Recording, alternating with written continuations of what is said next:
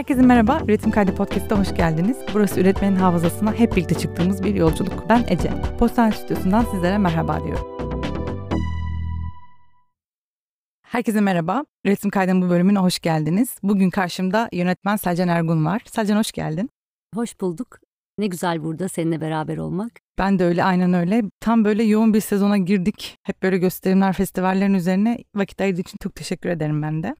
Ben hemen böyle çocukluğuna inmek istiyorum. Terapi gibi bir cümleyle e, başlayayım. Ya çocukken hem doğayla hem de sinemayla aran nasıldı ve böyle anlatıcı olmayı sever miydin diye bir sormak istiyorum sana. Galiba ilk anlattığım hikayelerin dinleyicisi de bendim diye düşünüyorum. Dinleyicisi denebilirse. Çünkü bu anaokulunda işte bir öğlen uykuları vardır mecburi. Ben de hiç sevmem. hiç sevmem hala da sevmem. O gündüz uyumayı böyle sanki bir şeyleri kaçırıyormuşum gibi hissederim. Ben de şöyle şahane bir çözüm bulmuştum. Yatağa yatıp ya gözlerimi sıkıca kapatıyordum o yaşta ya da yapabiliyorsam kafamın üzerine yorganı çekiyordum. Ve kendi kendime daha önce tahminen ailemin bana anlattığı masalları kendi kendime anlatıyordum aslında. Zihnimden geçiriyordum. Tabii bir noktada o malzeme tükendi. Ne kadar e, bunu yapabilirsin? Sonra birazcık böyle işte onların sonlarını değiştirmeye başladım. Başka bir gün bir karakteri değiştirmeye başladım. Böyle hafta sonları babam western izlemeyi çok severdi. Nasıl olduysa o western karakterleri, oradaki hikayeler sirayet etmeye başladı. Anlattım, kendi kendime anlattığım masallara. Nasıl izin verdilerse mesela işte Elm Sokağı'nı izlememe izin vermişler o yaşta ve Gerçekten oradaki evet, bilmiyorum ee, işte Freddy de dahil oldu hikaye gibi böyle onlar gerçekten kendi kendime böyle işte uyuyormuş gibi yapmak zorunda kaldığım süre boyunca oyaladığım ve sıkılmamı engellediğim bir şeydi. İşin komiği bu arada e, eve şey haberleri gidiyor işte Selcan çok uslu işte ilk önce o uyuyor işte arkadaşlarına örnek oluyor. Şeyi bilmiyorum tahminen ben bunu bu arada aileme hiç söylemedim. Bir şekilde olur da bu podcast dinlerlerse buradan öğrenmiş olacaklar.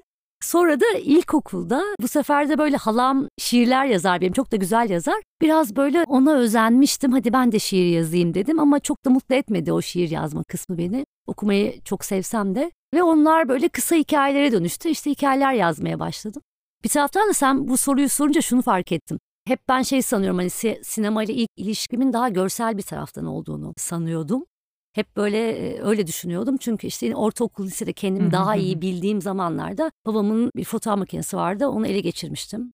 Analog bir makine ve onunla bir şeyler çekiyordum böyle. Hatta işte o yıkanmaya gidiyordu onlar bir bakıyordu babam içinde böyle işte bizim tatil fotoğraflarımız yerine benim kumda işteki ayak izleri vesaireler var. Ve hep o kanaldan geldiğini düşünüyordum aslında sinemaya ilgimin ama fark ettim ki aslında hikaye kısmı daha eskilere kendi kendini eylemeye dayanıyormuş diyebilirim. Tekrar geliyorum o zaman. Şunu söyleyecektim söylediklerin üzerine. Aslında senaryo yazabilen yönetmenlerde ben bunu sormayı daha çok seviyorum. Çünkü hep ilk anlatıcı olmak çıkıyor görsel dışında. O yüzden bunu keşfetmene vesile olduğum için teşekkür ediyorum. ben de teşekkür ederim. Umarım annemlerin de o yaptığım küçük dolandırıcılığı keşfetmesine vesile olmamışsındır. İnşallah diye diyorum. Peki o zaman bu kreşi sormuşken şehirde doğup büyüdün ve ama hani bu doğayla ilişkini de anlamaya çalışıyorum. Bence hafta sonları bir yere gidiliyordur. Yani nasıl bir şey vardı orada onu da bir öğrenelim.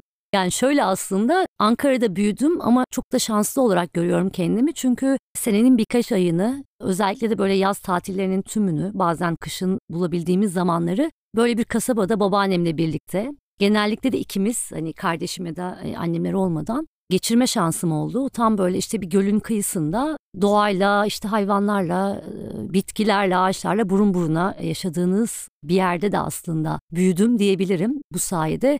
Ve orada yine benimle çok yakın yaşta bir kuzenim vardı. Orada ve işte onun arkadaşlarıyla birlikte hani saatler işte ağaca çıkıp oradaki hem sohbet edip hem de oradan taze meyveleri yemekten işte tavukların peşinden gidip yumurtaları çalmaya kadar her şeyi yapma şansım oldu bir Ankara'da büyüyen birisi olarak.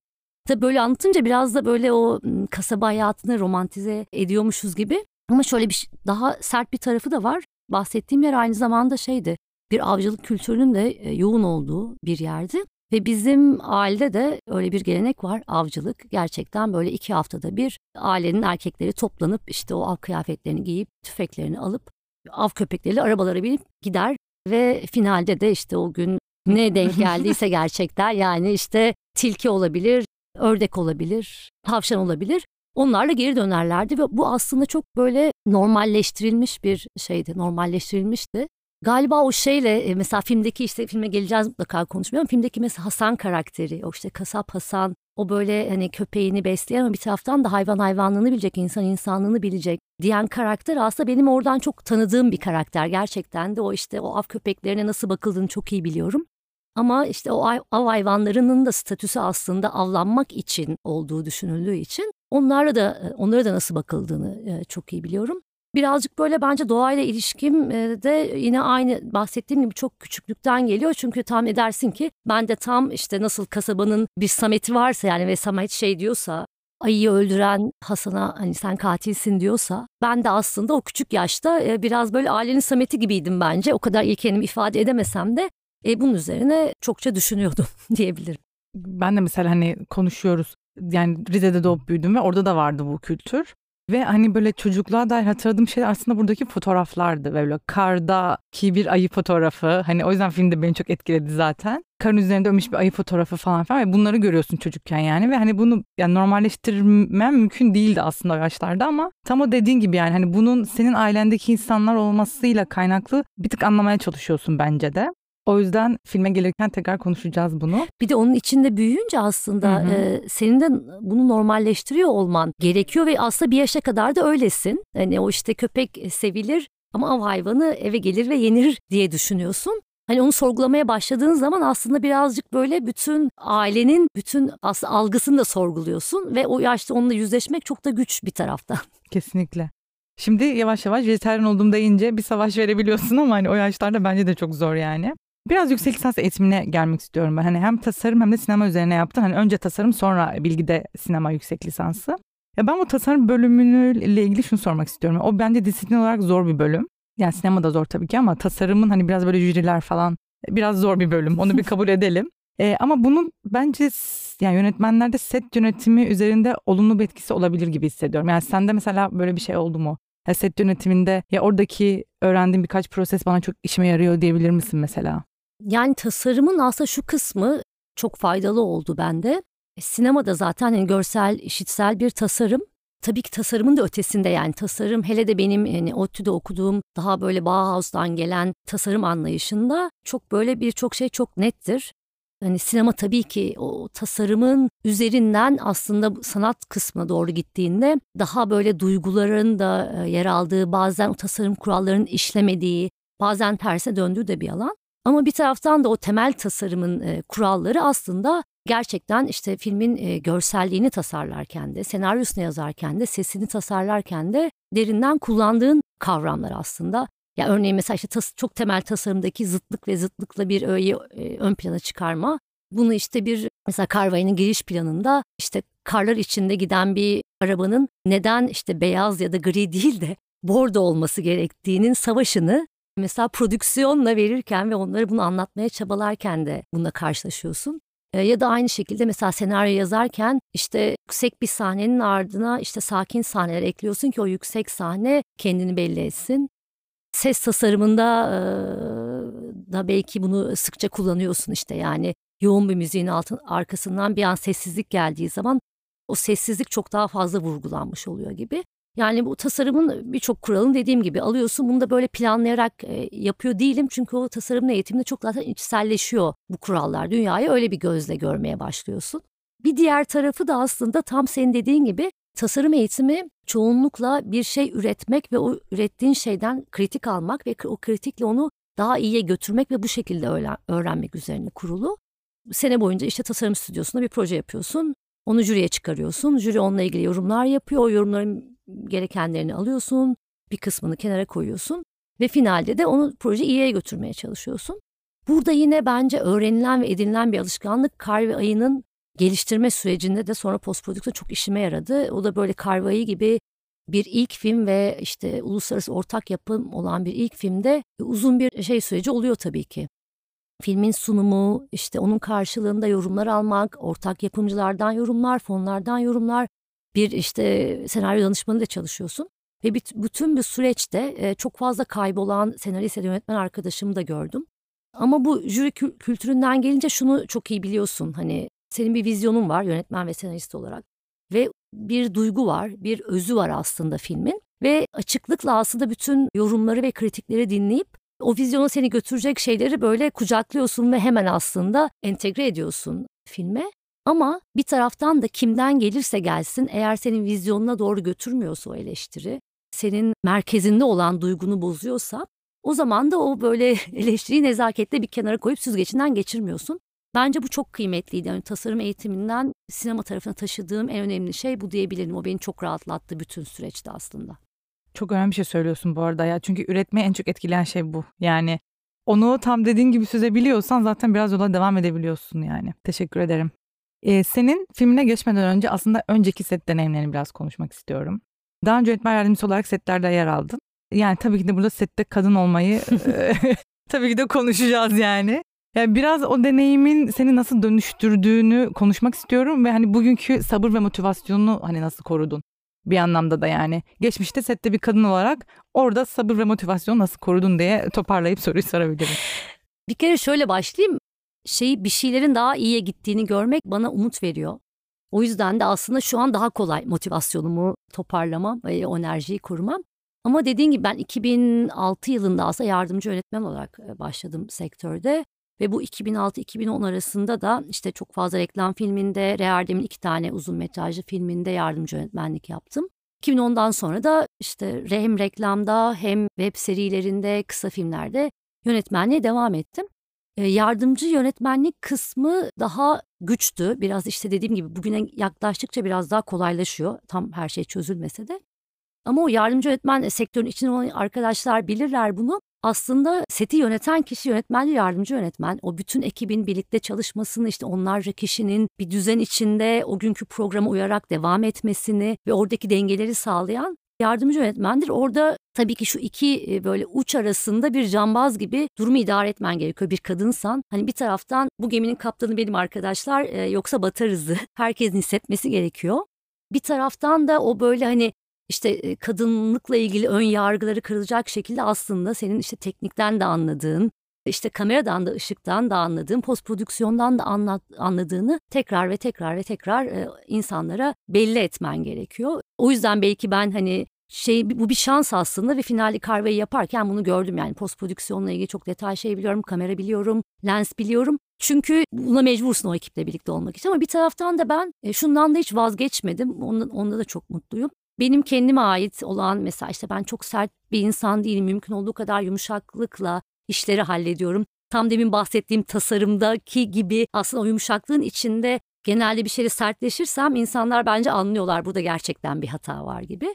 Ve sette de bu dengeyi hep korumaya çalıştım. İşte bağırıp çağrışılmayan, işte böyle sakinlikle ama belli bir hızla ve düzende iş yapılan bir set kurmaya çalıştım ve işe de yarın düşünüyorum.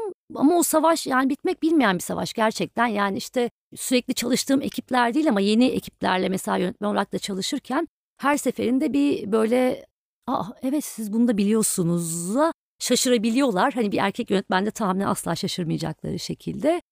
Ama artık bundan da gocunmuyorum yani çünkü bu böyle ve hani biz buna böyle devam ettikçe benden bir sonraki gelen işte kadın bir yönetmene belki bu kadar şaşırmayacaklar ve bu soruyu bir daha sormayacaklar ve giderek bir şeyler böyle iyiye gidecek. Yani savaş bitmiyor diyorsun ya hani o kadar hani bir şey hallediyorsun ve üzerine bu sefer başka bir şeyle savaşman gerekiyor zaten. Hani bu ben de yani 3 yıldır podcast yapıyorum ve bitmiyor asla hani aa tamam bunu hallettim bu sefer falan diyorsun. Hani bunu artık anlamışlardır diyorsun.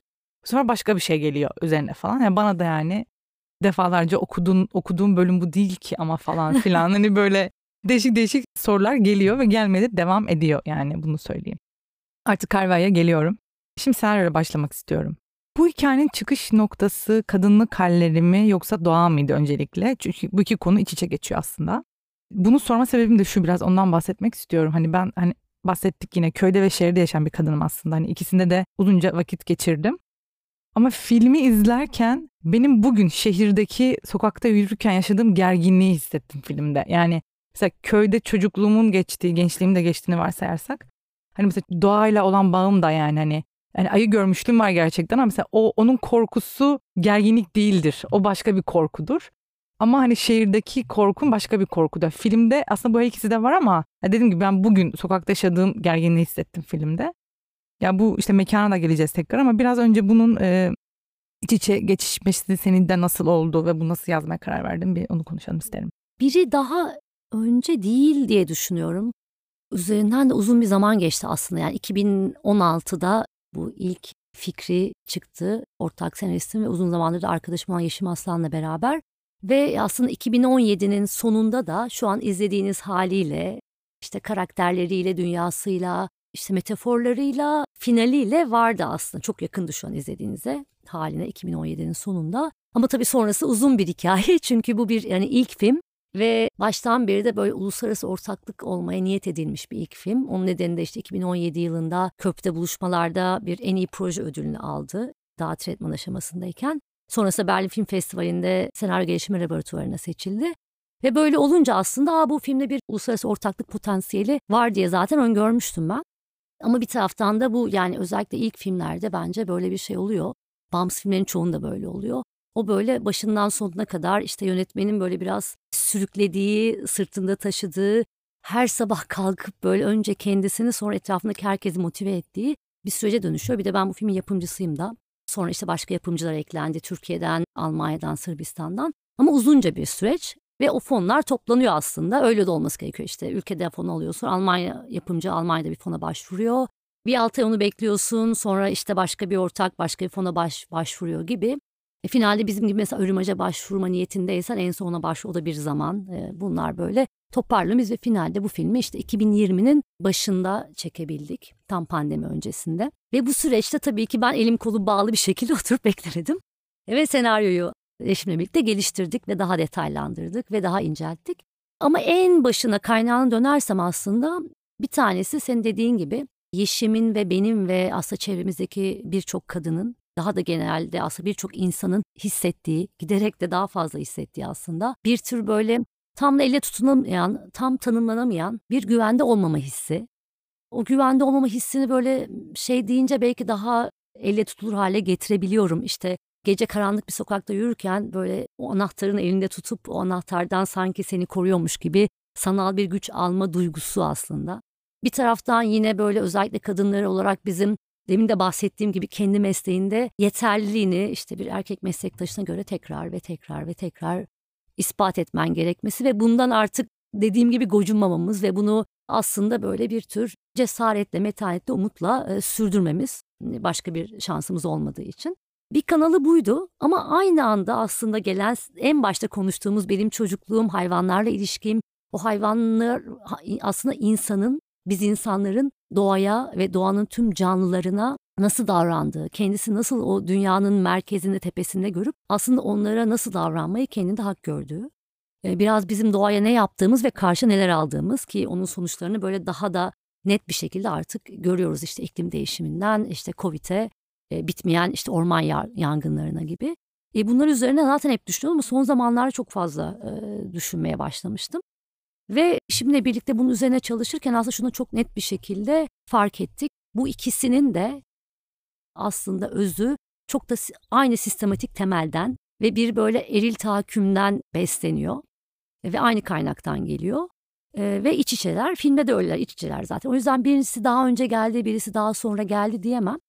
Ama bütün aslında bütün bu duyguları böyle bir toplumsal gerçekçi bir hikaye değil de senin de bahsettiğin gibi bizim belki şehirde yaşadığımız, yani birçok kadının kasabada da yaşadığı, dünyanın bambaşka köşelerinde yaşadığı bu ortak duyguları böyle e, bir zamansız, mekansız, hayali bir mikrokozmoza, küçük bir evrene sığdırıp orada böyle her şeyi daha görünür kılmak, daha net kılmak aslında niyetimizdi. Biraz da tabii ki hani masal diyorum. Hep ben böyle karvaya karanlık bir masal diyorum. Aslında masalların işlevi de şeydir ya işte senden uzaklaştırır bir şeyi, bir durumu. E, as hayal edemeyeceğin bir uzaklık var ve uzaklıkta baktığın zaman aslında ona dışarıdan da bakabilirsin. Ve o zaman oradan ne ders çıkarırsan daha kolay çıkarabilirsin ya da onu daha iyi gözlemleyebilirsin. Biraz böyle bir şeydi aslında. O duyguları böyle masalsı bir gerçekliğe koymak ve orada o duyguları incelemek, bizim hep sorduğumuz soruları orada sormak. Bir de tabii ki doğa kanalına girebilmek için o mekanın da doğanın içinde doğayla, doğaya mecbur, doğayla dost ama doğaya karşı savaşan bir yerde de olması gerekiyordu. O yüzden de işte o sonsuz kar ve dışarıya bağları kesilen bir mekanda bütün bahsettiğimiz o duygular bir araya geldi aslında diyebilirim. Ya sen bunu söylediğinde çok e, hızlı bir akış oldu kafamda ve şey düşündüm hani filmin ismi aslında gerçekten masal gibi tınlıyormuş şu an fark ediyorum. Kar ve ayı hani mesela tüm senaryoyu bir akşam bir anne çocuğuna anlatabilir gibi bir hani tam o dediğin noktada hani hani dinler yani e, ne oldu o zaman sonra ne oldu peki ne yaptı falan gibi bir yerden filmin adına nasıl karar verdiniz son noktada hani ya da başka bir isim var mıydı aklınızda yoksa böyle baştan beri buydu ya netti bizim için falan gibi bir durum muydu? Filmin adı aslında çalışma ismi ilk başta Kar'dı. O yüzden de aslında Kar da filmin başından beri var. Birazcık bu galiba benim şeyle de ilgili yani senaryo yazma biçimim ya da işte hikaye kurma biçimimle de ilgili. Çünkü bana hep şöyle geliyor yani işte o o dönem içinde olduğum duygular, dertler, sorduğum sorular, cevap bulamadığım sorular, işte verdiğim savaşlar bunlar böyle beraberinde bir atmosferi getiriyor aslında. E, o duyguların atmosferini. Ve hikaye o ikisiyle birlikte gelişiyor. Mesela işte bir önceki filmim e, Güneşli Bir Günde tam da böyle çok şeyi spesifik olan işte bir yaz tatilinde bir çocuğun başına gelen çok basit naif bir olay olması ama o güneşli bir günde olmasının bir e, anlamı var. Aynı şekilde Kar ve Ayı'da da o böyle bütün o hislerin bir sonsuz bir boşluk içinde sıkışıp kalma hissi ya da işte o karın aslında bir taraftan her türlü kötülüğü ve e, işte çirkinliği örten tarafı ama bir taraftan da kalkınca hani filmdeki gibi işte şu kar bir kalksın altından cennet çıkacak diyor ya Samet. Acaba cennet mi çıkacak ne çık çıkacak sorusu da var ortada. Biraz o karın altındaki her şeyi saklayan, gizleyen, iyiliği, kötülüğü her şeyi beyaza boyayan hali de aslında önemliydi. Ve o yüzden de baştan beri aslında atmosferik olarak o kar vardı. Ve ayı da aslında e, sonradan eklendi. O ayı işte hani aslında şey olmayan filmde var olan duygusu her şeyde çok yoğun olan filmin yarısı yani filmin ismini yarısını kaplayan bir varlıkken aslında bütün o korkusu, endişesi ve gelme ihtimali varlığından daha da büyük. O tam işte aslında hepimizin yarattığı düşmanlar gibi, hani ülkelerin yarattığı düşmanlar gibi, bizim kendimize yarattığımız düşmanlar gibi aslında o kasaba halkı da o düşmanların varlığı sayesinde bir arada duruyor. Ve tam da bu yüzden de aslında o düşmanları günah keçisi ilan etmek, her türlü suçu atmak da ona çok daha kolay. O yüzden kar aslında bu kadar büyük bir yer kaplıyor filmin isminde de. Atmosfer yaratmak için düşündüğünüz bir iklim miydi diye soracaktım. Bunun da cevabını vermiş oldun aslında bana.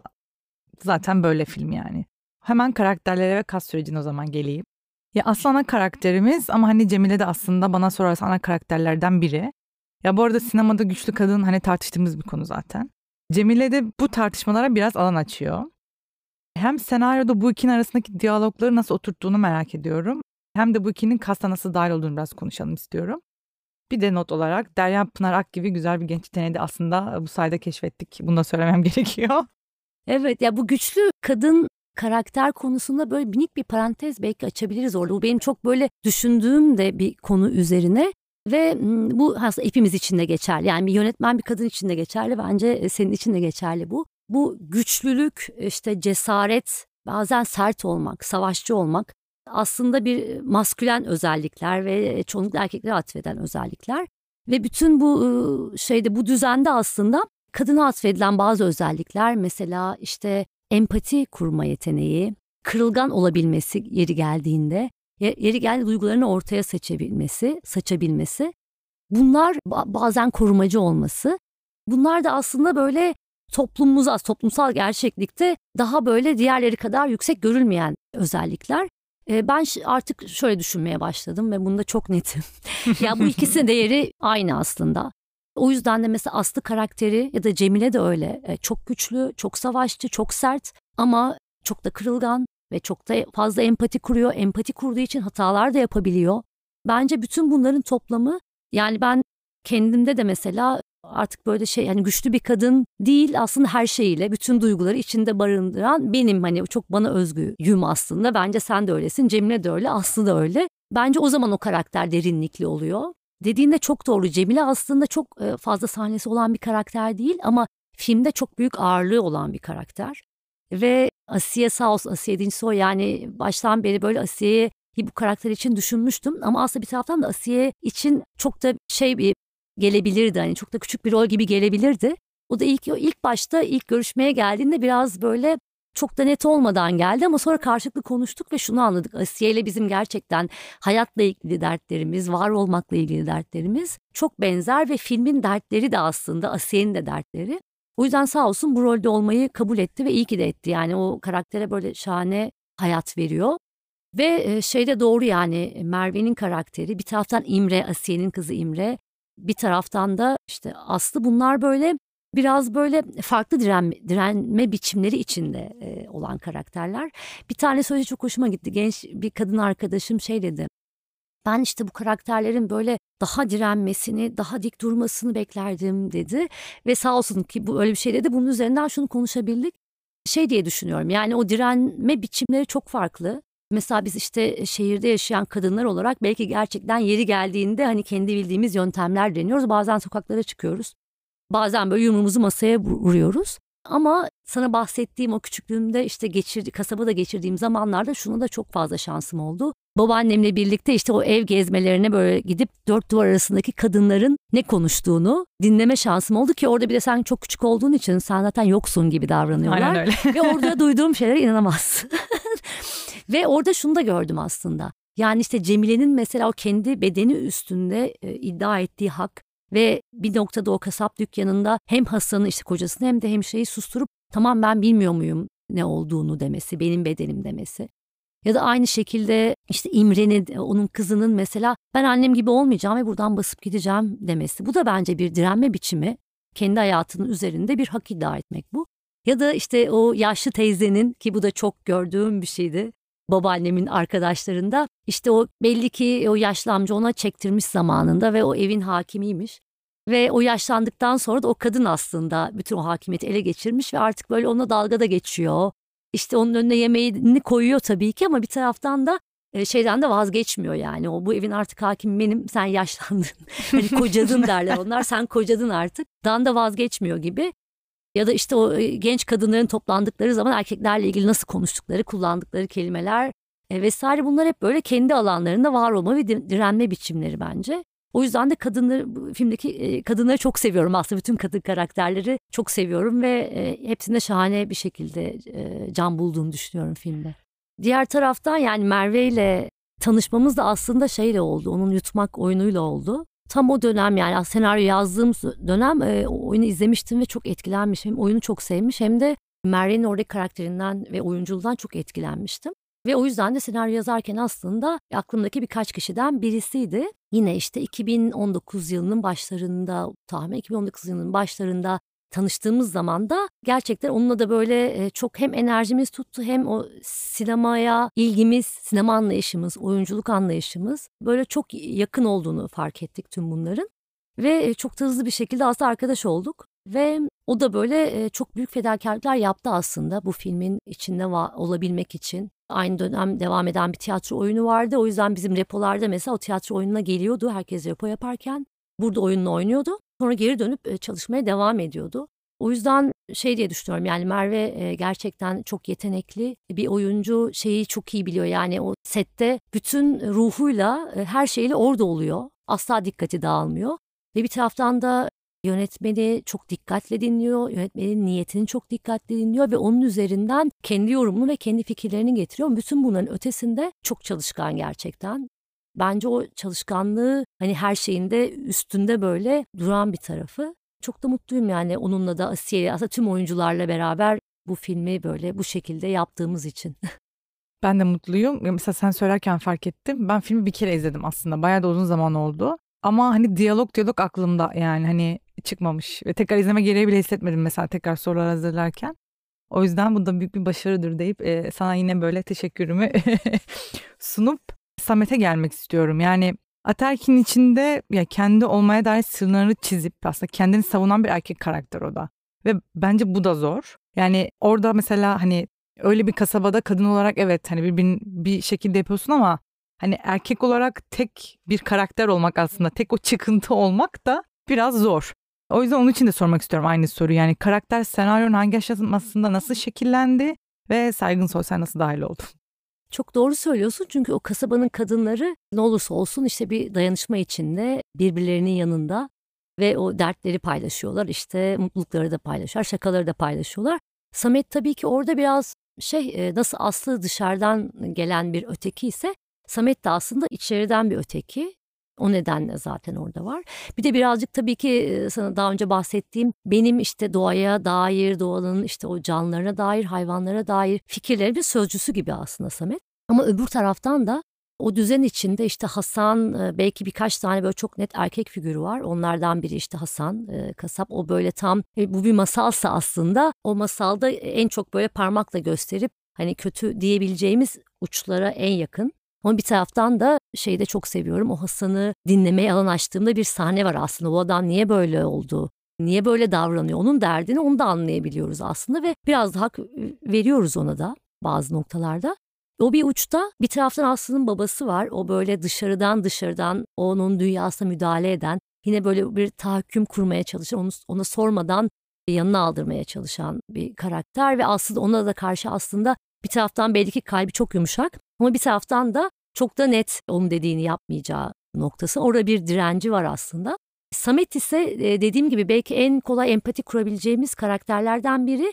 Çünkü hepimiz onun e, o işte e, doğayla ilgili, hayvanlarla ilgili fikirlerine katılıyoruz. Ama bir taraftan da aslında o zıtlık üzerinden ortaya çıkıyor değil mi? Aslında Hasan'la Samet'in zıtlığında şöyle bir gerçek de var ki Samet de aslında o iyilik ve kötülük arası sınırlarda gidip geliyor. Tüm diğer karakterlerde olduğu gibi Aslı da dahil buna bu arada. Ve işte aslında Samet'in sınır ihlalleri bir noktada Aslı ile ilişkisini bir yere doğru, gerilimli bir yere doğru sürükleyen şey aslında. E, Samet'in iyi niyetli de olsa sınır ihlalleri. O yüzden de böyle o Samet'in işte kasaba içindeki ötekiyi temsil etmesi Aslı gibi ya da ayı gibi aslında onu böyle çok e, filmin merkezine koyuyor. Başlangıçta şöyleydi aslında Aslı, e, Samet ve İmre bunlar üç e, karakterdi ve çok dengeleri birbirine çok yakındı. Üçünün hikayesini izliyorduk. Ama böyle biraz daha detayına girince bunun aslında şeyi zorlaştırdığını ve karmaşıklaştırdığını gördük senaryoyu. O yüzden de böyle İmre'nin hikayesi, onun sahnelerini birazcık böyle başka bir filmde belki e, kullanmak üzere bir rafa kaldırdık Yeşim'le beraber. Ve Aslı ve Samet aslında çok net bir şekilde kaldılar. Samet karakteri için daha fazla oyuncuyla görüştüm. Biraz daha uzun bir süreçti. Onun da nedeni aslında Samet'in dediğin gibi çok böyle kendine özgü bir karakter olması ve sınırda bir karakter olması. Hem işte o böyle koskocaman bir adam ama bir taraftan da bir naiflik barındırıyor. Ama o naifliğin kasabalılar tarafından belki yarım akıllı diye nitelendirilmesi ama bizim seyirci olarak onu bir meczup olarak görmememiz gerekiyordu. Aslında çok akıllı laflar ediyor. Samet e, ve en doğru şeyleri de bazen o söylüyor aslında. Filmin bütün aslında en güçlü fikirlerini Samet'te görüyoruz, duyuyoruz. O yapıyor ya da bu, bütün bu hareketleri. Ve çok dengede olması gereken bir karakter ve zor bir karakterdi. Bir taraftan da böyle oyuncuyla birlikte yaratılması gereken bir karakterdi. Ama finalde saygın bana he, buna hem görüntü olarak o böyle hani bu dünyaya ait değilmiş gibi tam da böyle filmin zamansız ve mekansız uyan şekilde haliyle bir taraftan da böyle yeri geldiği zaman işte o çok naif ama yeri geldiği zaman da birisinin yakasını tuttuğu zaman da onu korkutacak haliyle bence çok iyi şekil verdi, hayat verdi. Bence de bu arada. Ya Saygın'ı izlemeyi çok seviyorum ben. Nadir de görüyoruz ne yazık ki. O yüzden mutlu olduğum isimlerden biri açıkçası. Evet karı konuştuk. Şimdi biraz ayıyı konuşmak istiyorum. Ayı sahnesini yani konuşalım. O nasıl oldu yani? Gerçekten o nasıl bir şey? Bir anlat sen. Çünkü ben hani böyle çok müdahale etmek istemiyorum buna. Ee, onun anısıyla başlayalım hemen bence. Bir taraftan dinleyicilerin çoğunlukla hani filmi izlemiş insanlar olduğunu düşünerek spoiler verme endişesi olmadan konuşmak istiyorum şu an. Filmde işte o isminde var olan ve o beklentisi büyük olan yaratılmış düşmanı aslında gördüğümüz e, nadir sahneler var. Bunlardan bir tanesini artık o kadar spoiler vermeyeceğim ama o yapılmış bir ayı bir tanesi. Finaldeki diyeyim. Ama senin bahsettiğin ayının ormandaki ayı olduğunu düşünüyorum. Evet evet. Ee, şimdi o ayıyı planlarken birkaç tane yöntem var aslında. Bunlardan bir tanesi işte şey olabilir, CGI olabilir. Tabii ayı CGI'de yapılması güç de bir, bir hayvan bir taraftan. işte o şeyleri, tüyleri, bir taraftan karın içinde yerdeki adımları kara basacak. Onun bir ağırlığı var. O ağırlığını o karda göreceğiz gibi. Üzerine karlar düşecek gibi. Zor koşullarda da aslında o karayı, ayıyı yaratmak gerekiyor. Bu bir opsiyon ve bu yapılabilir tabii ki bugünün koşullarında her şekilde mükemmel bir şekilde ama tabii ki çok ciddi bütçe gerektiren bir şey. O yüzden bu elediğimiz bir opsiyondu. Ben de mümkün olduğu kadar gerçek olmasını istiyordum e, o ayının. Gerçekten ayırt edilemeyecek kadar. Ve bunun da yöntemi gerçek ayı çekmek tabii ki. Ama işte Şavşat'ta ormanda oraya bir eğitim ayı getirip e, çekmeyi de asla düşünmedim. Dediğim gibi bu film böyle bir Almanya, Sırbistan, Türkiye ortak yapımı ve Sırbistan'daki yapımcıdan böyle bir opsiyon geldi. İşte burada eğitimli bir ayı var, benzer bir orman da var. Filmin çekimi yapıldıktan sonra e, burada işte bu ayı çekebiliriz diye işte onlarla görüştük. Çok da benim aklıma yattı harika bir yöntem bu diye düşündüm. Ve işte filmin çekimini yaptık. Ben ormanda işte Merve aslında bir boşluğa doğru oynuyor orada tabii ki. Bir taraftan işte Merve'nin ve Saygın'ın açılarını çektik. Bir taraftan ayının arkasında belki birebir aynı ormanı bulamayız diye ona plate dediğimiz böyle fonları çektik. Kar altında, karsız vesaire farklı versiyonları. Ve bu şekilde hazırdı aslında her şey ama sonra işte filmin çekimi 2020'nin Ocak ortasından Şubat ortasına kadar diyeyim 29 günlük çekim süresi vardı. Ve filmin sonrasında ben işte Hamburg'a kurguya gidecektim. Alman ortağımız olduğu için öyle planlanmıştı. Ve çekimlerden bir 15 gün sonra yanılmıyorsam ben Hamburg'a giderken Türkiye'deki işte ilk Covid vakası açıklandı. Ve sonrası zaten işte ben Hamburg'a gittiğimden 3 gün sonra şöyle bir sabah uyandık. Son uçuşlar yapılıyor, kurtarma uçuşları. Bundan sonraki uçuşlar ne zaman olacağı belli değil. Ve Çiçek Kahraman da Hamburg'daydı. Birlikte böyle şey ne yapalım diye düşündük ve ben şeyim yani Çiçek ben görmek istiyorum dedim. Ne çektik artık filmi görmek istiyorum yeter bu kadar sene zihnimdeydi. Artık karşımda görmek istiyorum ben dönmüyorum. Ve sonunda şey oldu işte bir sonraki uçuşlar 103 gün sonra kurgu bitti ben dönemedim vesaire gibi uzunca bir hikaye ama bu koşullarda şey de mümkün olmadı tabii ki. Sırbistan'a gideceğiz ve o ayı çekeceğiz ve kurguyu yaptık ve o kurguda filmin kaba kurgusu ortaya çıktı ayı sahnesinde Merve boşluğa bakıyor, boşluk Merve'ye bakıyor. Orada bir ayı hayal edin. Ve Sırbistan'a gidemiyoruz. Orada çekimler yapılamıyor zaten. Ve ben tabii ki Covid'de zaten o kapanmaların içinde İstanbul'a dönebildikten sonra zaten evde kapalıyız ve dışarı çıkamıyoruz. Ben şeylere bakmaya başladım. Stok footage'lara, stok imajlara. Ve tahminen hani böyle binlerce hani internette bulabileceğin her türlü işte doğru kalitede e, stok e, footage'ı izlemişimdir. Günlerce ayılara baktım. İşte bu olabilir diye heyecanlı o ayı alıp kurgunun içine koydum. Ve kendimi ikna etmeye çalıştım ama ertesi sabah uyandığımda olmuyor dedim. Başka bir ayı aldım vesaire derken böyle şey diye düşünmeye başlamıştım. Yani ne yapacağız biz? Şeyin bekleyeceğiz yani bütün işte pandeminin bitip yeni ayı çekebildiğimiz bir dünyayı mı bekleyeceğiz? Çünkü yani CGI için iyi bir CGI için tabii ki bütçe olabilir ama iyi bir CGI. Benim istediğim gerçekte bir CGI için yok bütçe. Ve finalde çözüm e, Floran'dan geldi görüntü yönetmenimizden. Fransa'da bir böyle hayvan çekimleri üzerine uzmanlaşmış bir görüntü yönetmeni buldu. Onunla yazıştık. Ben kurgulanmış filmi gönderdim. Ve e, ayın oyunculuğuyla ilgili ona bir şey gönderdim. İşte brief e, gönderdim. Küçük bir senaryo gibi ayının böyle gelmesi lazım, böyle yapması lazım, durması lazım. Şöyle bir ayı olması lazım. Çünkü o ayının sondaki halini çekmiştik zaten. Bir de öyle bir zorluk var yani. O ayı olması gerekiyor gibi. Ve normalde bu görüntü yönetmeni şöyle bir şey yapıyor. Filmle ilgili sen işte bir sahneyle ilgili bir kurt olabilir, baykuş olabilir, yarası olabilir neyse onu veriyorsun ve o gidip onun kendi ortamında belki işte günlerce haftalarca orada kalıp o çekimi yapıyor. Tabii ki buna da bir bütçemiz yok. Bizim bütçemiz yok. Klasik bütçemiz yok yani. Ve o bize benim gönderdiğim görüntülere uygun ve brief'e uygun şekilde e, yanılmıyorsam 5 tane, 5 ya da 6 tane görüntü gönderdi. Ve bunlardan birini görünce benim gözlerim parladı. E çünkü o ana kadar o kadar çok gerçekten binlerce belki ayı footage'ı izlediğim için çok iyi biliyordum orada neyin olması gerektiğini ve gerçekten hemen oturdum işte onu o sahneyi uyguladım. Birazcık işte tabii ki zamanlamasıyla vesaire oynadık. Ve bu olabilir dediğim noktada da e, hemen işte post prodüksiyonda onu biraz daha işte üzerine gelen karı vesaire o şeye uygun sahneye uyumlu hale getirdik diyebilirim. Bir taraftan da o sahnede bütün sırlarımı veriyorum şu an sana. Tabii ki de amaçça ee, falan. Büyük, evet en büyük etki tabii ki ses tasarımı. Ben zaten şunu yapıyordum. Bulduğum ayıları kendimi ikna etmeye çalışırken, kurgularken bir taraftan altına da işte o onu seslendiriyordum ayıyı. Ve o ses tabii ki bir anda her şeyi daha gerçek yapıyor. Yani zaten şey böyle bir sinema böyle bir şey aslında yani. yani ben de ilk ayı sesi duy ayı ayının ilk sesini duymuştum ben de mesela. evet. Yani o şeye bile anlam katıyor o ses. Yani o ayının aslında öylese yaptığı bir harekete öyle bir ses koyuyorsun ki o böyle onun sinirle döndüğü hissi veriyor. O yüzden de o sahne ses tasarımının e, çok katkısı var. Yani ben oturup hemen kurguyu yaparken bir ses tasarımı yaptım kendim. Onun üzerine Cenker Kökten'le böyle onu da daha detaylandırdık ve o ayının böyle oradaki hissini geçecek şekilde tasarladık aslında. Kurgu ne kadarlık süreçte bitti o zaman? 103 gün dedin. 103 gün sürmedi Sürmemiştir kurgu. diye Ya baştan plan yine bütçesel nedenlerle kurgu aslında 2 ay planlanmıştı Hamburg'daki kurgu. Sonrasında da çok fazla insana gö- göstermeyi sevmiyorum. Öyle bir tarafı vardır hani böyle dostlarla paylaşılır, fikir alınır. Bence bu da önemli bir kısmı aslında post prodüksiyonun.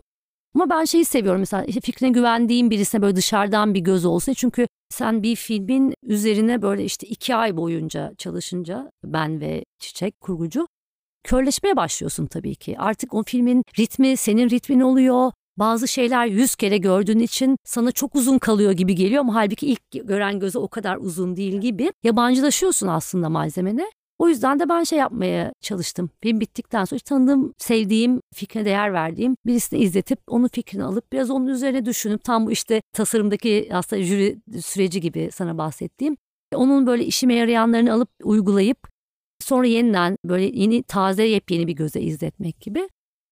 Yani aslında kurgu süreci iki ay artı toplamda artı beş gündür ya da altı gündür ama o altı gün böyle aralıklarladır yani birkaç hafta aralıklarladır aslında. Tamamdır teşekkür ederim. İyi, yani uzunca bir süre ama iyi de bir süre aslında bir yandan bir düşündüm iki ay bence ideal ya. normalde Ya şeydir bir normal uzun bence. metrajın kurgusu aslında işte 3 aydır aslında. Dediğim gibi bizim ondan az oldu birazcık bütçe nedeniyle. Birazcık da işte o benim bahsettiğim yöntem aslında onu biraz süspanse ediyor. Hani biraz durup durup uzaklaşıp yeniden Hı hı. bakmalarla daha böyle netleşebiliyorsun daha hızlı. Şafşat'dır ona geliyorum ben de artık. Çekimler Artvin'de gerçekleşti. Ben da çok yakın diyeyim memleketime. ya mekan arayışınız ne kadar sürdü? Yani o çünkü bence bir filmin en zor kısmı mekan arama kısmı. Yani o çok uzun sürer. Ve hani set sürecinde hem seni hem de ekibi zorlayan en büyük şey soğuk oldu diyebilir miyiz diye de düşünüyorum yani. Evet Artvin Şavşat'ın farklı köyleri, kasabaları birleşerek çektik aslında ama tabii film bu arada Şavşat'ta Artvin'de Doğu Karadeniz'de geçmiyor. Bazen böyle filmin nerede geçtiği öğrenenler işte bir Doğu Karadeniz hikayesi falan diyor. Hiç öyle bir şey yok. Bayağı uydurma hayali bir kasaba Akçeken diye de bir yer yok zaten. Orada Akçeken'de bizim şimdi uydurduğumuz işte o karları üzerine çeken kasabanın ismi ne olur diye düşününce bulduğumuz bir isim. Birazcık bu ba- bahsettiğim filmin dertlerinden de biri olan işte biz doğaya ne yapıyoruz o bize karşılığında ne veriyorun cevaplarından biri olan iklim değişimi aslında bizim tam da bu mekan bulma sürecimizi etkiledi.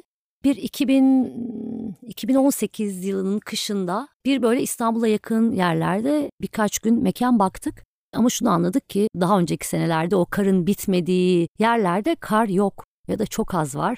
İşte bizi e, oradan böyle bağlantılı olan işte köyler oraya kar yağdı gelin diyorlar bir gidiyoruz. Kar var ama işte evlerin olduğu yerde işte tepenin ucunda var o kar. Ve hepsi şey diyor yani işte yani geçen sene önceki senelerde burada dizimize kadar kar olurdu bu kar nerede diyor. Tam böyle filmden bitmek bilmeyen kar gibi. Orada da ge- gelmek bilmeyen bir, kar var aslında. Gerçekten. Birkaç tane önemli nokta vardı. Bir tanesi işte filmin çekim süreci boyunca karın olması ve olabildiği kadar şiddetli olması gerekiyordu. E bunun içinde böyle daha yüksek, e, Türkiye'nin yüksek kısımlarına gitmek gerekiyor. E, bir taraftan da orman olması gerekiyor. İşte ormanla iç içe olması gerekiyor. Bazı evlerin kapılarının belki ormana açılması gerekiyor. Bu da şeyde hani Doğu Anadolu'da bulamadığın bir şey çoğunlukla. O yüzden de aslında Doğu Karadeniz'in doğusu bunun için böyle en e, doğru yer olarak geldi. Tabii bu arada işte iki, bu dediğim 2019'un kışı ve 2020'de artık film çekmemiz gerekiyor kesinlikle. e, ve o dönemde ben kar kalkmadan şeyi görmek istiyorum çünkü yani o mekan nasıl olacak, nasıl görünecek. Ama işte orada bir şey oraya bir asistan bir arkadaş gitti. O böyle çok da iyi bir fotoğrafçı. Çok da yetenekli. Ama me- mekan fotoğrafları geliyor bana işte şey e, arkasına ne var diyorum bilmiyoruz. Ya da işte bu mekanla diğer mekanın mesafesi ne kadar diyorum. Net bir cevap alamıyorum. E, finalde kar da bitecek ve ben bir nokta şey oldum. Hadi Floran lütfen benimle gel. Gidiyoruz ve mekanlarımızı buluyoruz. Yoksa çünkü kar altında ben o mekanları göremeyeceğim diye böyle biz Floran'la kalktık gittik ve biraz böyle mekan bulmayla birlikte reke yapmış olduk. Ve o mekanları da farklı farklı köylerde bulduk. Mesela işte genelde oradaki Pınarlı köyünde birçok mekan. Ama Samet'in evi o böyle kasabaya yukarıdan bakan önde o dilek ağacının olduğu mekan başka bir köyde bulduk ve çok etkilendik. Mesela onu oraya taşıdık. E, ya da Hasene teyzenin evi benim çok sevdiğim bir mekan ve o gerçekten de işte benim orada böyle yürürken kasabanın yollarında tanıştığım bir teyze ve beni evine davet etti ve bana işte pişi ve gerçekten filmde aslında ikram ettiği gibi süt ikram etti. Ben de o sıcak sütü böyle işte içtim e, bir şekilde. Zaten o yüzden de o sahne var bu arada filmde. çok iyi ya. ve evet Aslı'nın ifadesiyle böyle o sütü içtim. Çok uzun zamandır süt içmeyen bir insan olarak.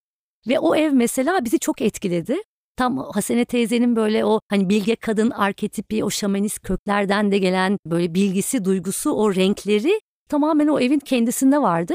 Tabii ki Osman sağ olsun sanat yönetmenimiz oraya böyle çok güzel dokunuşlar orayı daha da yaşayan bir hale getirdi. Ama birçok detayı da o teyzenin kendi kendine kurduğu böyle zaman içinde tahminen yani yıllar, on yıllar boyunca ekliye ekliye oluşturduğu bir mekan. Aslında çok sanat yönetimli bir mekan gibi duruyor ve biraz da böyle steril bir mekan gibi duruyor ki bu arada şeyde benim şikayetim yok. Dediğim gibi bu bir masal. E, toplumsal gerçeklikten uzaklaştırmak için de zaten birçok şey stilize aslında filmde.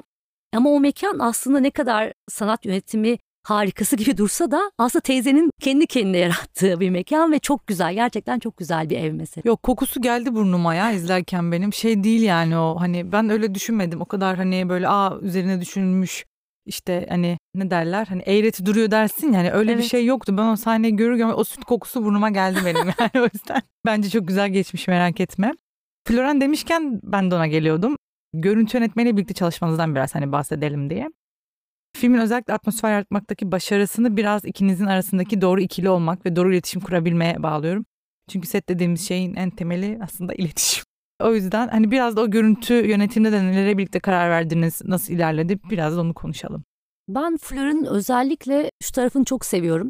Hep söylediği bir şey ben yönetmenin vizyonunu ve onun hayalindeki dünyayı kendi tecrübemle, bilgimle, teknik becerilerimle ve artistik becerilerimle var etmek için varım. Ve o yüzden de gerçekten o şeyle başlıyor. Yani senaryoyu okuduktan sonra yönetmeni dinleyerek başlıyor aslında. Ve orada da konuştuğumuz birkaç şey vardı. Bunlardan bir tanesi bu demin de bahsettiğim işte bu filmin bir atmosferik bir dünyasının olması gerektiği, buranın bir masal dünyası, karanlık bir masal dünyası e, olması gerektiği ve orada bu bulduğumuz işte o kar bulmak için gittiğimiz Şavşat'ın çok büyük de katkısı oldu aslında. Çünkü orası bir taraftan da o ahşap evleriyle kendine ait böyle zamanda asılı kalmış gibi dokusu olan bir mekan. Bir taraftan da o köylerin çoğu Gürcü köyleri ve aslında oradaki binaların yapısı aslında böyle sınır geçtiğin zaman Gürcistan'da olan binalar. O yüzden de böyle işte diyorum yani Türkiye'nin herhangi bir yerinde olabilir ya da dünyanın başka bir yerinde olabilir bir kasaba aslında orası. Çok büyük katkısı oldu ama onun üzerine biz o masalsılığı nasıl kurarız? O böyle benim baştan beri hayal ettiğim insanların ve özellikle de Aslı'nın sonsuz bir beyazlık içinde sıkışmışlık, kapana kısılmışlık hissini nasıl veririz? O sonsuzlukta sıkışma duygusunu nasıl verebiliriz? Bir tanesi buydu. Bir diğeri de senaryoda işte doğa, doğanın canlıları, hayvanları, hayvan sesleri ve onun en büyük aslında göstergesi olan bu filmdeki göstergesi olan kar. Böyle bir diğer karakterler gibi, Aslı gibi, Samet gibi, Hasan gibi yazılmıştı aslında. Karın işte bazen hiddetlenmesi, bazen böyle sakinleyip e, karaktere eşlik etmesi gerekiyordu. Bazen böyle çok dostane görünüp bazen de düşman gibi Aslı'nın karşısına çıkması gerekiyordu. E bunu nasıl yaparız üzerine sıkça konuştuk ve o zaman da şeye karar verdik aslında yani bunu bununla ilgili görüntüde yap- yapabileceğimiz şeyler belli. Mesela bunlardan bir tanesi kara hükmedemeyeceğimize göre yardımcı yönetmenin programı e, buna göre yapması gerekiyor. Gerçekten de çok böyle bu anlamda çok iyi ve özenli bir yardımcı öğretmenimiz vardı. Mesela filmdeki şeyleri ayırdık sahneleri. Hani hangi sahnede daha sakin kar olabilir? Hangi sahnelerde gerçekten çok şiddetli fırtına ihtiyacımız var? Hangi sahneler ikisi de olabilir ama tercihimiz hangi yönde gibi. Ve o yüzden de şöyle bir şey yapmamız gerekiyordu. İşte ertesi günkü hava durumunu alıyoruz ve o sabah uyanıyoruz ve e, acayip bir fırtına var. Hemen gidelim ve o fırtına sahnesini çekelim gibi. Ya da bir bakıyoruz ki işte güneş açmış hemen iç mekanlara kaçalım çünkü güneşi istemiyoruz hiç gibi. Hani bir taraftan böyle biraz hükmedemediğimiz karın aslında bizi şekillendirmesine izin verdik. Bir taraftan da Floran kadrajıyla bunu nasıl yapabilir? Bunun üzerine çok konuştuk. Teknik olarak çok fazla takip ettiğimiz, hani Aslı ile birlikte orayı keşfettiğimiz için onunla birlikte dışarıdan geliyoruz biz bu kasabaya. Ve onunla birlikte aslında merakla gidiyoruz, bakıyoruz, düşünüyoruz, duruyoruz, daha çok araştırıyoruz.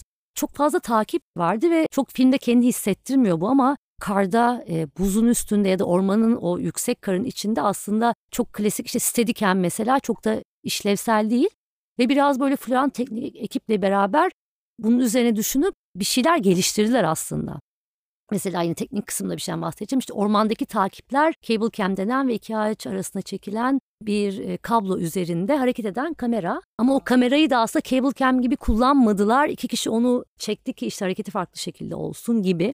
Ya da mesela takipleri işte iki kişinin taşıdığı kamera var ve onu işte uzaktan bir taraftan da kadrajı yapan Florian var şeyin başında, monitörün başında gibi. Böyle aslında çok bizim ortamımıza uygun bir takip yöntemleri havuzu oluşturdular. Hangi sahnede nasıl yapabiliriz diye. Bu şey kısmı daha teknik kısmı sanatsal kısmında diyeyim ya da işte artistik kısmında o dünyayı nasıl yaratırız kısmında Florian'la genelde şey diye çalıştık. Dediğim gibi senaryo bir malzeme ve senaryoyu ben şey yazmayı çok seviyorum aslında görür gibi yani okurken böyle onun ortamı da var, duygusu da var, ışığı da var, hayvanların sesleri de var mesela sonradan eklediğimiz ya da işte karın duygusu da var. E, o bir malzeme onun üzerinden de Florian'la aslında karşılıklı referans alışverişi yaptık uzunca. Uzun uzun sahneler üzerine konuştuk. O sahneden duygusu ve bir taraftan da işte o sahnede doğanın hangi hali var üzerine çokça konuştuk. Böyle bir hazırlık süreci. Ses tasarımına gelmek istiyordum. Yine güzel bir pas attın bana. Aslında şey var. Dinamik diyebileceğim bir ses tasarımı var. Tam o bahsettiğin doğa sesleriyle insan sesleri arasında bir senkronizasyon var. Yani ben ilk sigara içiş sahnesindeki o senkronizasyonu wow hani ne yaptılar burada ya falan olmuştum mesela.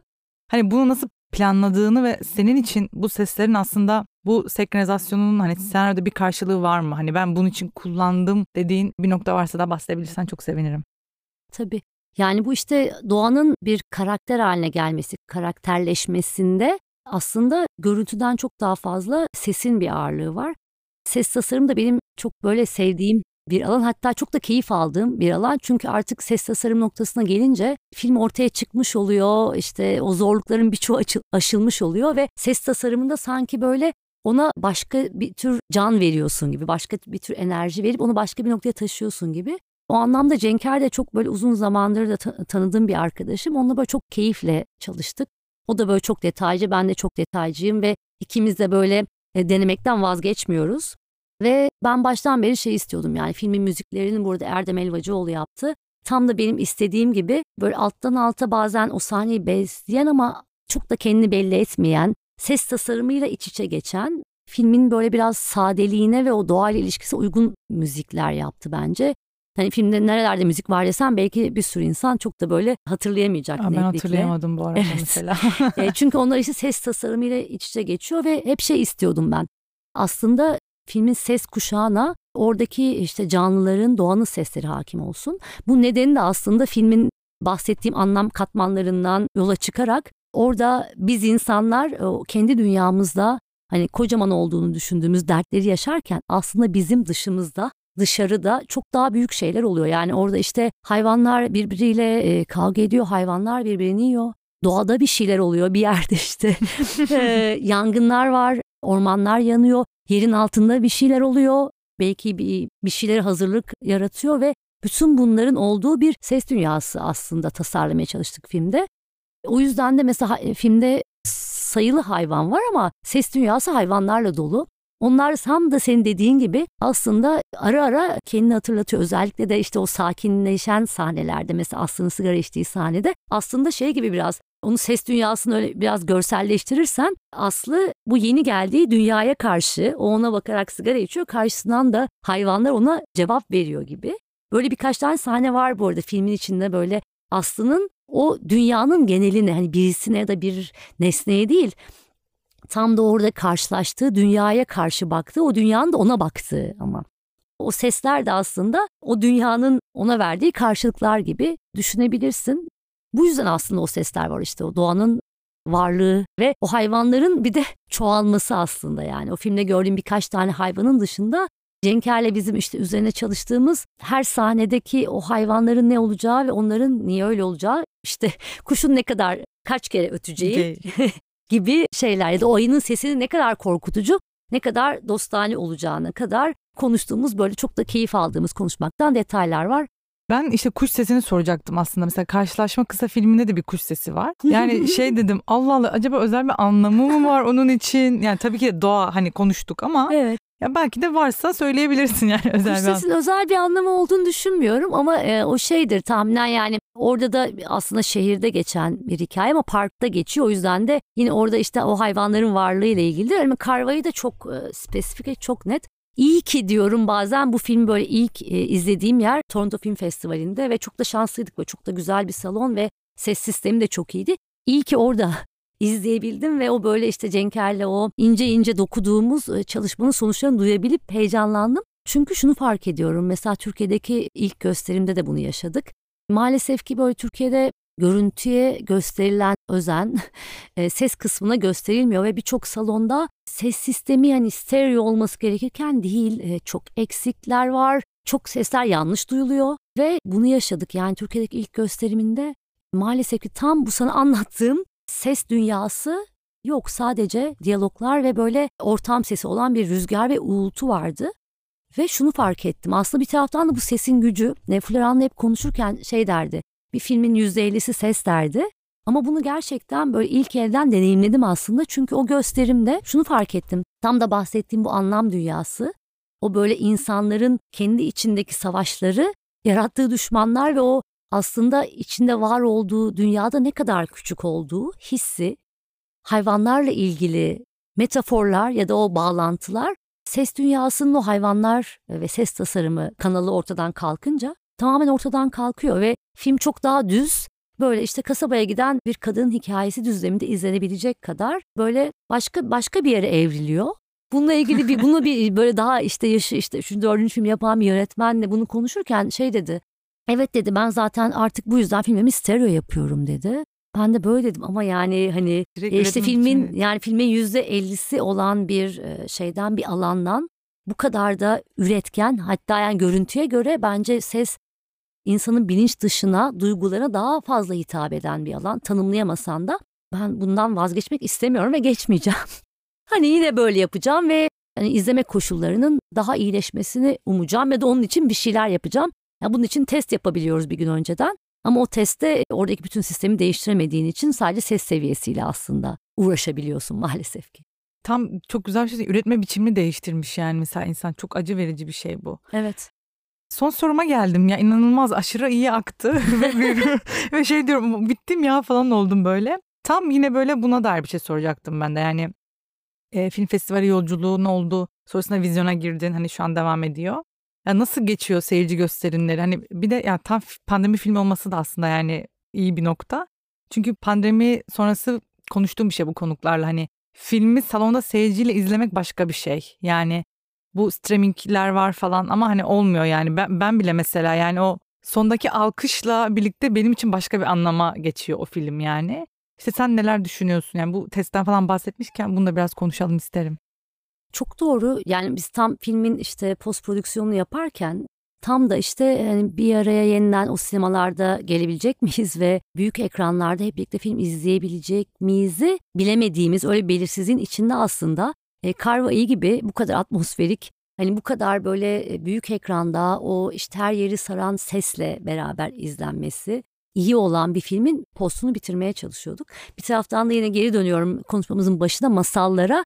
Hani ben Karva'yı bir masal olarak görüyorum. O yüzden de aslında şey önem veriyorum. O hep birlikte ateşin etrafında bir araya gelip o hikaye dinleme deneyimini sinemada bulabiliyoruz. Çünkü orada şey oluyor aslında biraz duygular senkronize oluyor. Düşünceler diyemem belki ama yani yanındaki mesela e, bir bir sahneye gülüyor. E sen de biraz gülüyorsun, kıkırdıyorsun. Sonra başka birisi daha gülüyor. Da mesela bir o korku herkese geçiyor. Ve bence o şey deneyimi yani topluca film izleme deneyimi böyle duyguların da bir böyle paralellik kazandığı. Hatta şeyi belki yaşamışsındır yani birkaç arkadaşınla birlikte izlediğin bir filmi bir daha tek başına izleyince belki o kadar iyi olmadığını düşünüyorsun bazen. Bazen de aslında hani hep birlikte çıkınca böyle hemen konuşmaya başlanıyor artık öyle bir gerçeklik var hiç sevmediğim. O konuşmada kötü olduğuna karar verdiğim filmi bir daha izliyorsun tek başına ve vay be aslında ben bunları nasıl görmemiş diyormuşum diyorsun. Bence o deneyimin öyle bir tarafı var. Ben de bu konuda çok da şanslı hissediyorum kendimi. Çünkü tam pandemi aslında biraz da bekledik tabii ki şans dışında. Bu film aslında 2021 yılında hazırdı. Aslında bu film 2021 filmi. Ama tam o dönemde festivaller yapılamıyordu. Yapılırsa işte online yapılıyordu. Filmleri ekranlarda izliyorduk ve ben şey istemedim. Carvaja'yı böyle bir ortamda açmak istemedim. O yüzden aslında biz bir sene bekledik. Yani işte 2017'de senaryosu hazır olan filmi dediğim gibi 2020'nin başında çektik. 2021'de aslında hazırdı ama 2022'nin işte Eylül'ünü beklemek durumunda kaldık bir festivalde açmak için. Ama bir taraftan da sonrasında gerçekten böyle birçok ülkeyi ve kıtayı kapsayan bir yolculuğu oldu. Ben de o pandemide böyle hiç dışarı çıkamamın getirdiği heyecanla böyle birçoğunda katılma şansım da oldu. Ve seyirciyi işte önce Toronto'da sonra Hamburg'da sonra Antalya'da sonra Sydney'de işte Palm Springs'te Marrakeş'te bambaşka seyircilerle izleme şansım oldu. Ve o gerçekten böyle çok çok etkili bir deneyim. Sonrasında soru cevaplar da böyle çok etkili. Ama garip bir şekilde de şeye çok mutluyum. Ya insan deneyimi e, anlatıyor bu film. Hep böyle söylüyorum işte bu film hani kasabada geçiyor ama derdi kasabayla ve kasaba insanıyla değil. derdi aslında bizimle. Hatta bu filmi hani izleyip böyle işte kasaba insanları da böyle diyen fikri de biraz böyle kolaycı buluyorum. Çünkü bu şey demek aslında ben öyle değilim bak o öyle demek. Bu filmde ben hani e, evet yani Aslı'yım ama bir taraftan da belki bir tarafım da Samet. hani hepimiz için böyle. O yüzden o insan deneyimine bakıyorum. Bu film özelinde o insan deneyimine e, az önce bahsettiğim nedenlerle, o doğayla ilişkisi nedeniyle ve onu böyle küçük bir evrene sıkıştırma nedeniyle bu hikayeyi e, böyle masalsı bir evrende ve böyle bir kasabada anlatmak aslında çok daha doğru geldi bana. Ama ne bileyim Toronto'da gerçekten böyle bir karı yaşayan, bitmek bilmeyen kışı gerçekten yaşayan seyircinin tepkisi bir taraftan. Yani orada bir seyirci bana e, şey dedi çıkışta. İşte ben dedi küçükken annemin böyle bir sabah dışarıya çıkıp gökyüzüne bağırdığını hatırlıyorum dedi. Artık bit diye kara ve kışa. Mesela gerçekten bu kasabadaki bir, bu filmdeki bir sürü insanın duygusu. Bir taraftan da işte Kuala Lumpur'da gösterildi yazın film ve orada daha önce hiç hayatta kış yaşamamış insanların tepkisi çok bambaşka bir yer. Onlar da şeyle o karakterin duygusuyla ve o aslında oradaki sıkışmışlık hissiyle ve kadının orada nasıl konumlandığıyla da doğaya yapılan her şeyle çok rahat e, empati kuruyorlar. Orası hayvanlara çok yakın bir yer Kuala Lumpur. O yüzden de şeyi gördüm işte dünyanın her yerinde seyircinin aslında o insan deneyimini paylaştığını görmek de bana aslında umut verdi bundan sonrası için. Şahane ya. Ben de mesela filmde üşüdüğümü çok net hatırlıyorum. Öyle bir mevsim olmamasına rağmen. O yüzden o soğuk çok güzel geçiyor. Sadece teşekkür ederim. Benim başka bir sorum yok. Her şey böyle içtenlikle açtığın için de teşekkür ederim. Eklemek istediğim bir şey var mıdır? Ben de teşekkür ederim. İyi ki böyle karşılıklı bunları konuşabiliyoruz. Çok da anlamlı buluyorum senin yaptığın bu podcast'te. Çünkü bu işin tam da üretim tarafına bakan, hani üretimin kaydını tutan gerçekten çok fazla mecra yok. Ben zaten keyifle e, dinliyorum buradaki bütün e, paylaştığın her şeyi. Umarım böyle de devam eder. Ben de sana teşekkür edeyim o zaman. Buradan. Ben de devam etmesi konusunda umut, umut etmeye çalışıyorum diyeyim. Dinleyenlerle bir sonraki podcast'te görüşmek üzere diyorum. Sana tekrar teşekkür ediyorum güzel sözlerin için. Postanede prodüksiyon desteği için teşekkür ediyorum. Görüşmek üzere.